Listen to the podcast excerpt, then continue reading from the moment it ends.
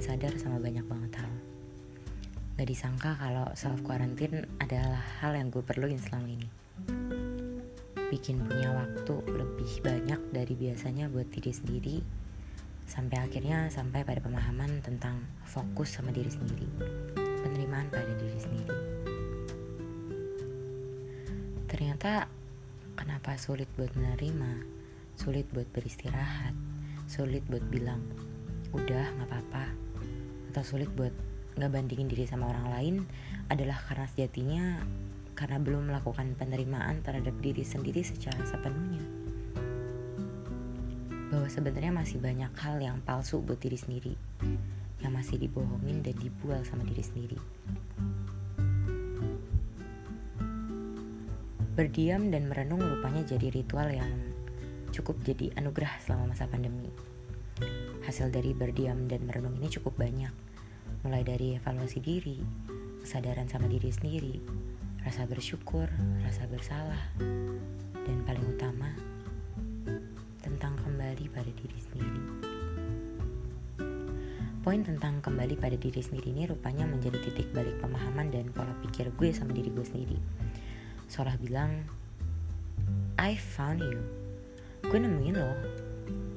Lo yang ya gue sendiri apa yang gue mau batasan-batasan gue apa yang gue bisa siapa gue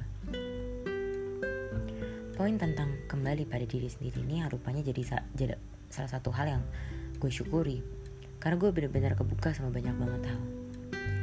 Buat bisa melihat segala sesuatu lebih jernih momen tentang kembali pada diri sendiri ini bahwa gue buat berlayar ke lautan. Dalam artian lautan ini seolah hidup gue ya karena lautan masih luas ya jadi hidup gue juga masih luas jadi belum semuanya gue eksplorasi. Akhirnya karena momen kembali pada diri sendiri ini ngajak berlayar akhirnya jadi cukup banyak ngelakuin kilas balik yang akhirnya gue tuangkan dalam segmen podcast perjalanan ini. Mulai dari berlayar pergi ketika ambisi sudah mengalir dalam darah, menggebu dalam benak dan menabuh dalam jiwa gue taruh ke dalam episode pertama. Kemudian ketemu kawanan ombak yang luar biasa menghancurkannya juga menggertak kapal yang tadinya dibawa buat berlayar. Yang gue masukin ke dalam episode kedua. Akhirnya setelah ketemu kawanan ombak yang menghancurkan sedemikian ya kapal, momen di sini jadi bikin bertanya, siapa aku? Yang gue masukkan ke dalam episode 3. Kemudian dalam jatuh dan bangkit, gue menemukan fakta yang lucu.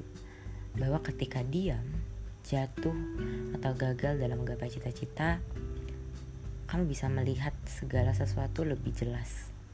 Yang saya masukkan ke dalam episode 4. Akhirnya setelah melihat lebih jelas, menemukan siapa saya juga bangkit, akhirnya saya belajar untuk tegar, bertahan, dan juga memeluk diri sendiri. Yang saya masukkan ke dalam episode 5, yang membawa saya ke dalam episode terakhir, yaitu kembali pada pelabuhan. Gue tau gak bisa semuanya digeneralisir sama seperti apa yang gue lakukan dalam rangka pada diri sendiri. Cuman dalam cerita gue, gue adalah pemeran utamanya. Oleh karena itu gue tulis semua kilas balik saya dan saya kenang kembali semua perjalanannya dalam segmen podcast Kembali pada Diri Sendiri. Kenapa saya tulis hashtag satu di depannya?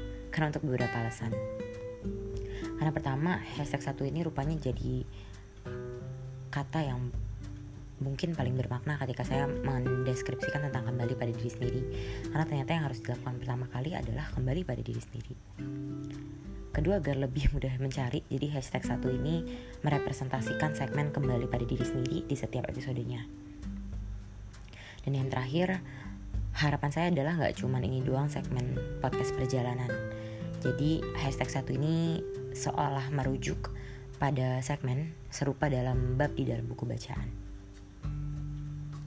Jadi semoga suka 6 episode dalam segmen hashtag 1 atau kembali pada diri sendiri. Semoga poinnya dapat diambil dan semoga membantu.